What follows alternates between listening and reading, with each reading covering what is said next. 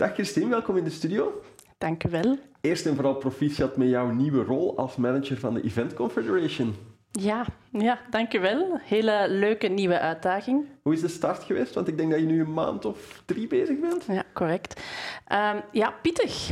Pittig, um, maar ook heel uh, uitdagend en, en boeiend en leerrijk. Vooral heel leerrijk. Ik heb ongelooflijk veel nieuwe dingen al geleerd en leer elke dag nieuwe zaken en mensen bij.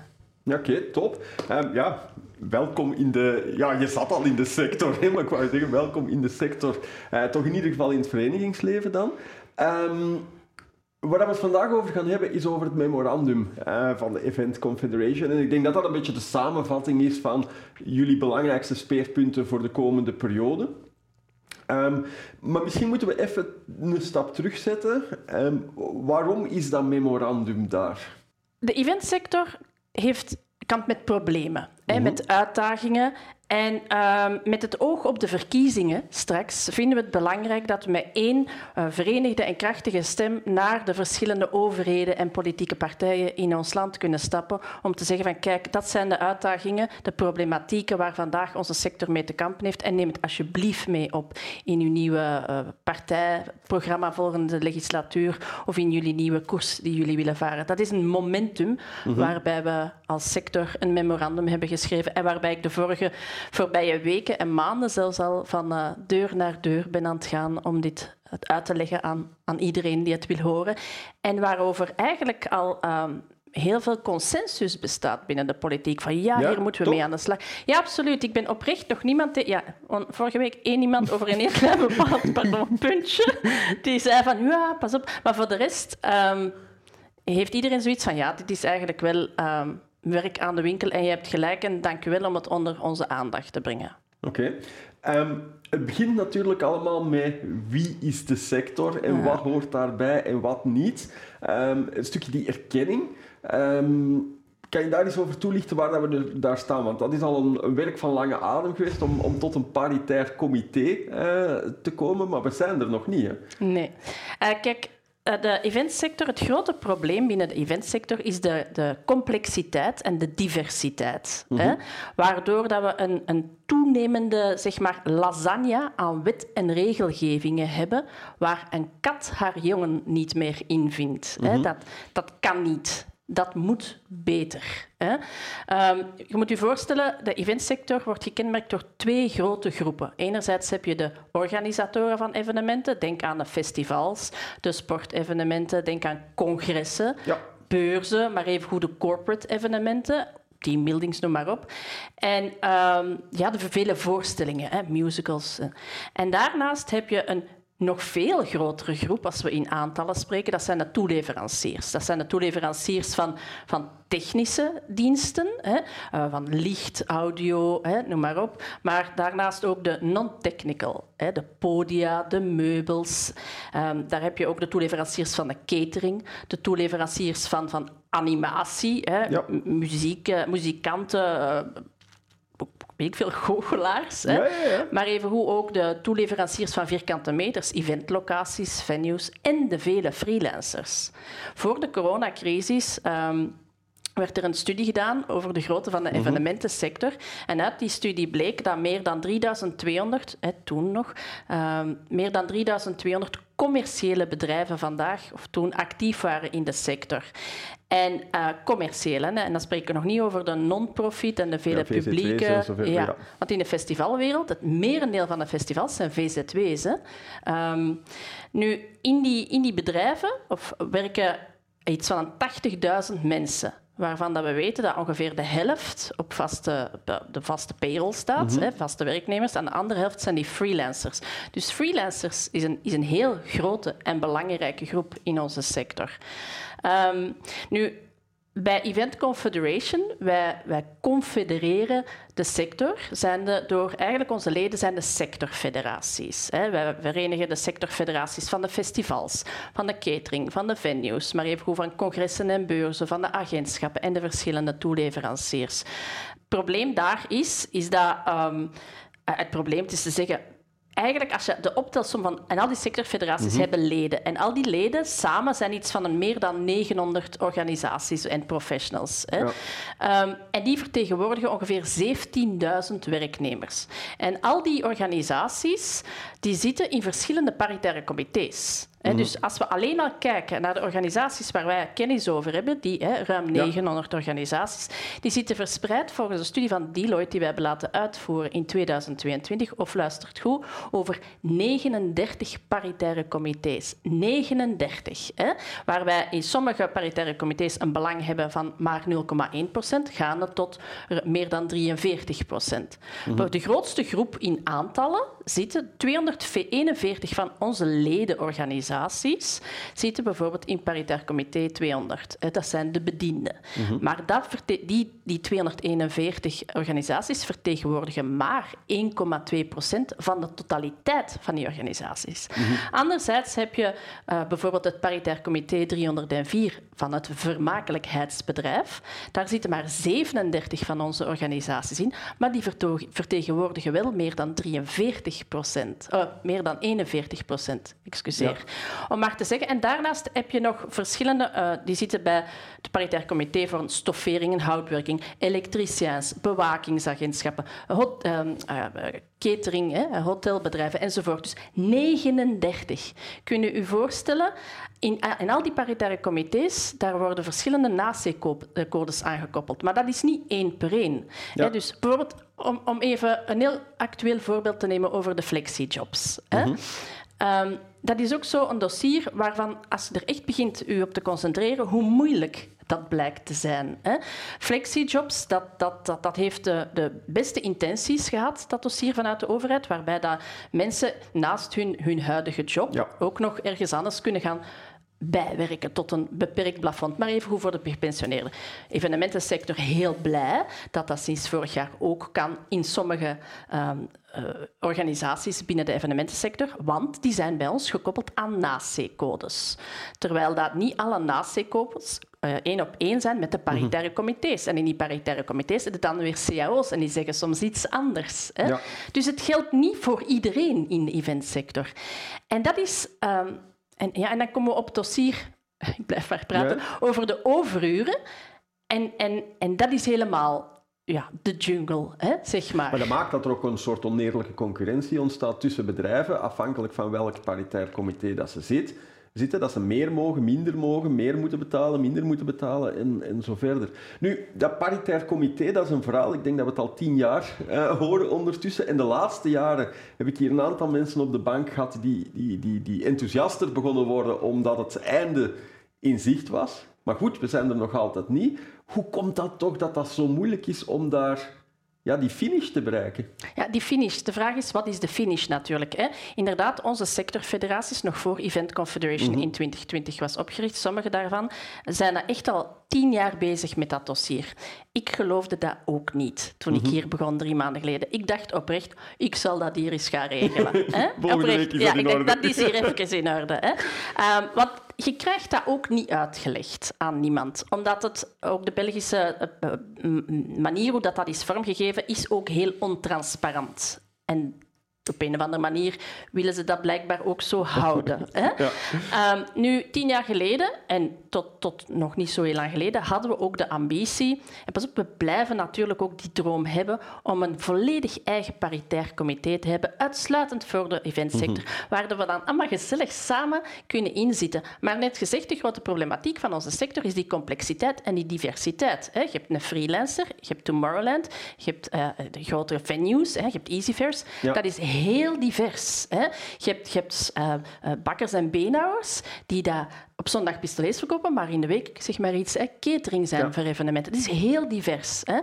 Ehm, nu, wat we ondertussen... We weten heel veel al. Namelijk dat er niet de ambitie is binnen de Belgische overheid om meer paritaire comité's bij te gaan creëren. En daar is een consensus over. Het is al zo ingewikkeld. De ambitie is zelfs er verminderen. Ja. Dus eh, sinds eh, x aantal tijd zijn we natuurlijk bezig met, oké, in welk paritair comité willen we dan het grootste aantal eh, van onze bedrijven uh, een thuis kunnen laten vinden. Hè. En er zijn er natuurlijk verschillende. Ik heb u gezegd, onze leden alleen al, die meer dan 900, mhm. zitten er in verspreid in 39. Hebben een analyse laten doen in 22 door onze hè, partner Deloitte. En daar is wel uit gebleken dat de meest interessante voor niet alle mhm. bedrijven. hè, maar dat vandaag al, het, de, de, beschrijving van heel het bevoegdheidsgebied is al de paritair comité 304, vermakelijkheidsbedrijf. Daar zitten vandaag al de, vooral de gesubsidieerde culturele organisaties in, um, zowel, uh, ja, zowel eh, in Vlaanderen, Brussel als Wallonië. Hè. Um, maar we zouden dat willen uitbreiden zodanig dat het nog interessanter wordt voor onze evenementensector. En daarvoor zijn wij echt al, de, wanneer ben ik begonnen? In november, mm met alle vakbonden, met alle werkgeversorganisaties die vandaag daarin zetelen. En ik ben, zijn heel fier dat wij kunnen zeggen dat, uh, dat, dat een van, iemand van onze raad van bestuur sinds eerder dit jaar zetelt in het paritair comité 304. Dus we hebben een seat at the table. De droom voor een eigen paritair comité dat is vandaag nog even een droom. Ik denk dat we moeten um, proberen um, meer voet aan wal te krijgen in de bestaande paritaire comité's. En daar waar in de 304 hebben we je ziet al, eh, hebben we eigenlijk van alle organisaties daar, de 43 procent is vandaag al lid, om nog niet te spreken over zij die geen lid zijn. Hè, want ja, niet iedereen is lid. Als switchen, dan Voilà. Dan wordt die, die, die, machtsverhouding binnen dat paritair comité wat meer richting die van de evenementensector. Ja, en dat zijn ook akkoorden met vakbonden en zo. dat ze zeggen van, ja kijk, uit, een, uit bijvoorbeeld een 100 en een 200 mogen we er gaan halen, maar uit, een, de andere mogen we niet aankomen. En zo van die dingen. Dus dat is, dat is ook wel allemaal hele politiek. Ja. Dat kan ik me voorstellen. Ja, Maar Oké, we, hebben, we hebben eigenlijk het, het, beginpunt, die herkenning. hoe vinden we die sector? Paritair comité komen binnen een aantal weken komt daar nog een uh, Eventplanner TV-aflevering over, waar we heel specifiek op dat paritair comité uh, zullen, zullen induiken. Maar op wetgevend vlak, je hebt er al een aantal dingen aangehaald, zijn er ook nog wel wat uitdagingen waar dat we mee om moeten gaan. Ik wil met jou een aantal overlopen. Ik heb eigenlijk gewoon jullie inhoudstafel afgedrukt. Dat was makkelijk om dit gesprek voor te bereiden. Het begint met veiligheidswetgeving.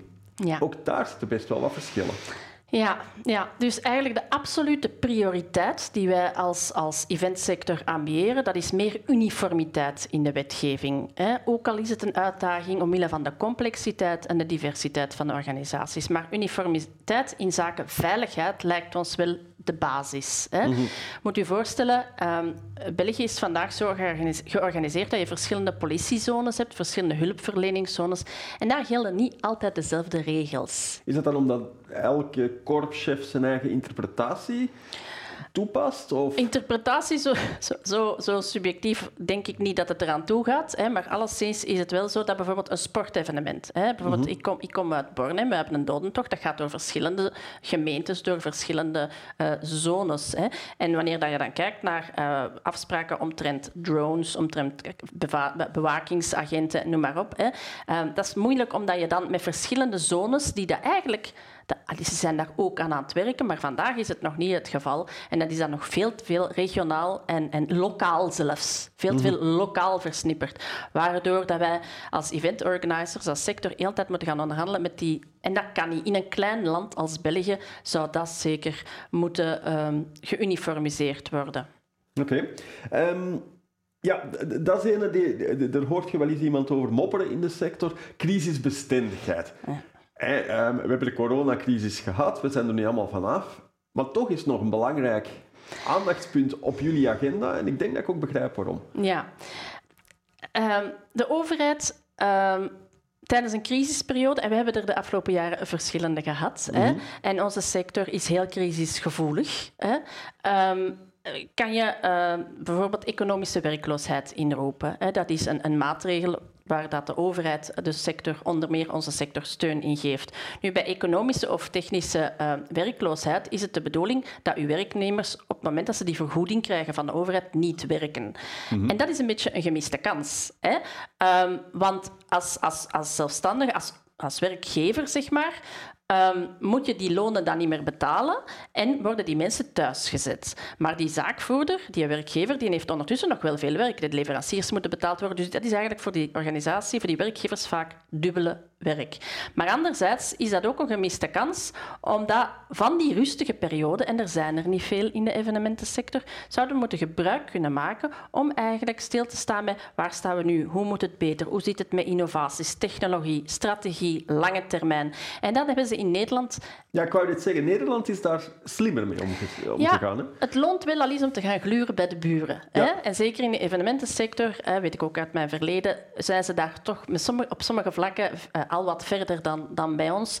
En daar hebben ze een regeling waarbij dat mensen op economische of technische werkloosheid kunnen mogen blijven werken en zich dan bezighouden met die lange termijn projecten. Want zoals in veel sectoren is ook de eventsector vrij oplossingsgericht. Zijn we bezig met het de next best thing, het evenement. Mhm. Waardoor dat we ons aan concurrentieslag, aan competitie internationaal ook verliezen. En we zouden die periodes moeten kunnen aanwenden om ons net in de vooruit te zetten. Want het is ook op die momenten dat bijvoorbeeld een Event Confederation is opgericht geweest. Hè, om net die lange termijnvisie, om ons uh, te behoeden voor de volgende crisis. Ja, en ik denk dat we ook niet mogen vergeten dat tijdens die periode, zeker van corona, heel de sector het wel eens was. Waarom hebben we dit niet eerder gedaan? het is dan grappig om te zien, we zijn de, periode net uit en dan is het ineens van, ah ja, en nu gaan we allemaal weer onze eigen weg. Terwijl het nu de moment is om natuurlijk voor te bereiden op die volgende... Allee, ik hoop dat ze nog heel ver af is, maar we weten, crisissen komen altijd terug. Dus er gaat een moment zijn dat we het echt, echt nodig gaan hebben. Ja, dat, was ook, dat is en is en blijft mijn heilige overtuiging natuurlijk ook. En um, maar ik ben toch in de afgelopen maanden al enkele personen tegengekomen die daar inderdaad niet van overtuigd zijn. Die zeggen, ja, maar ja, de sense of urgency is er toch niet meer. Het gaat nu toch goed. En dat bedoel ik met dat oplossingsgerichte van sommige organisaties of professionals in onze sector nog nu.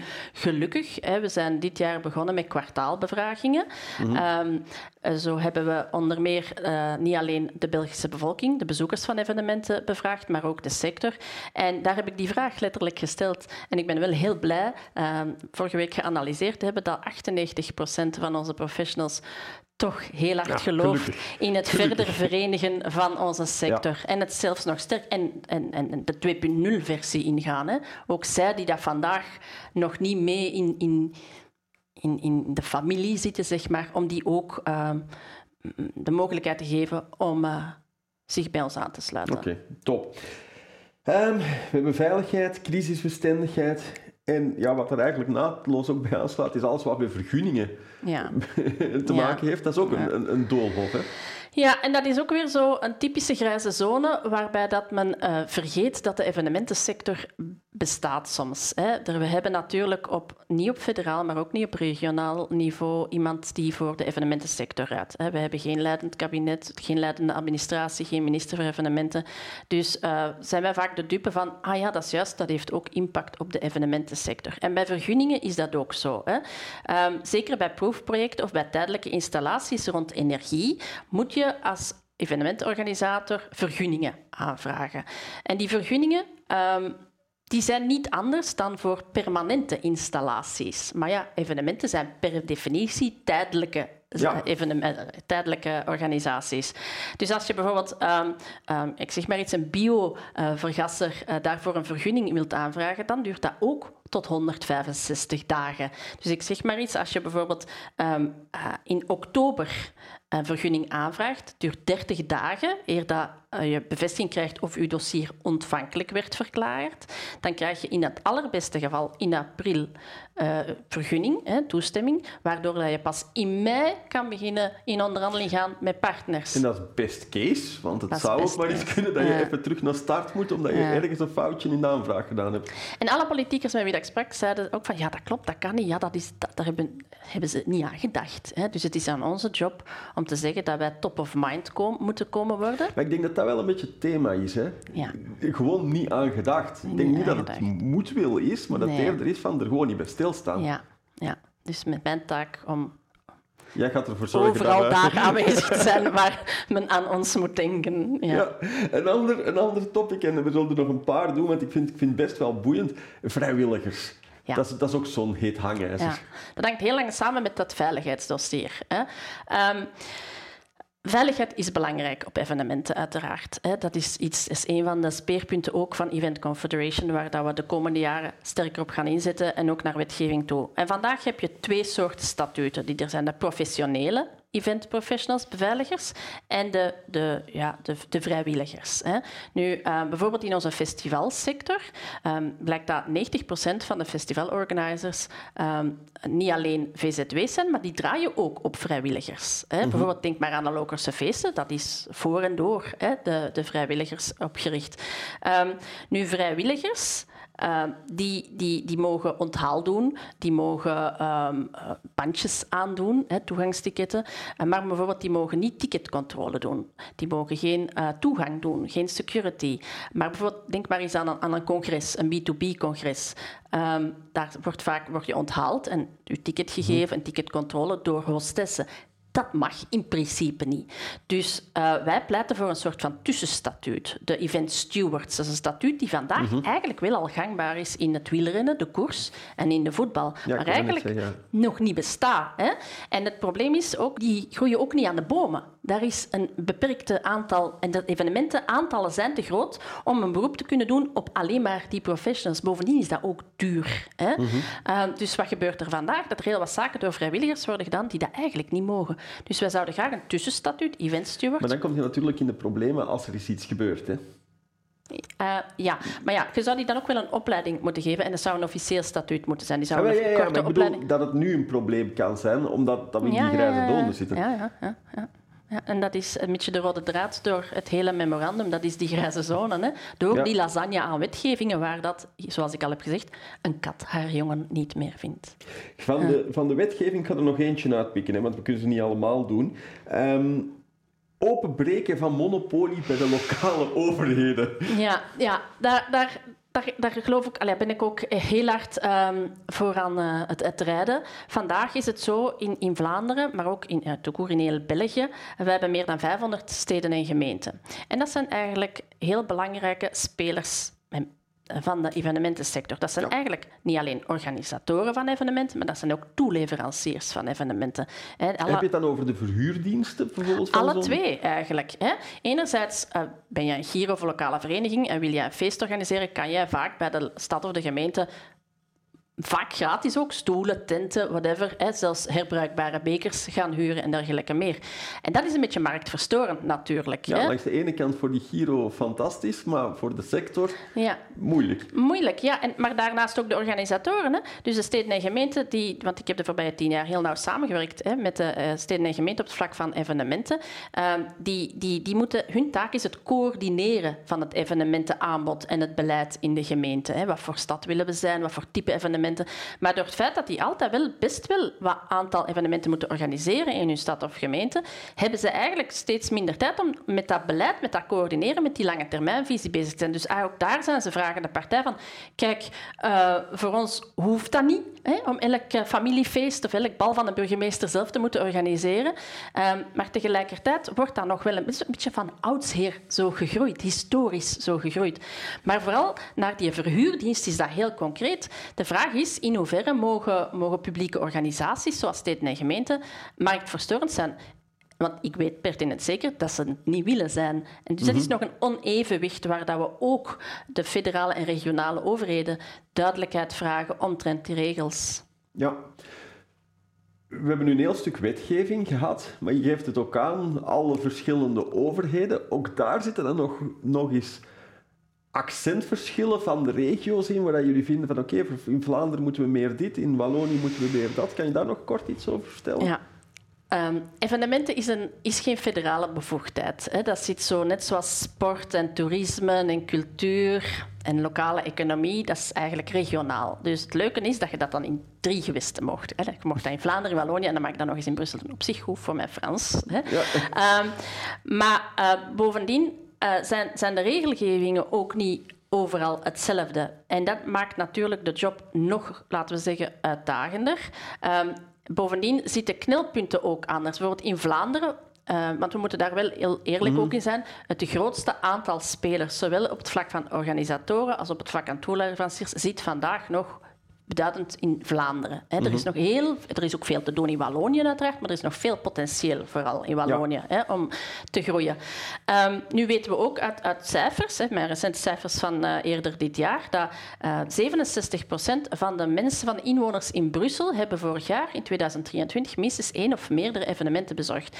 In Wallonië zijn dat er bijvoorbeeld maar 45. Hè. Maar de grote uitdaging in Vlaanderen zit hem in, die, in, in, in de vraag die we hebben naar een leidende administratie.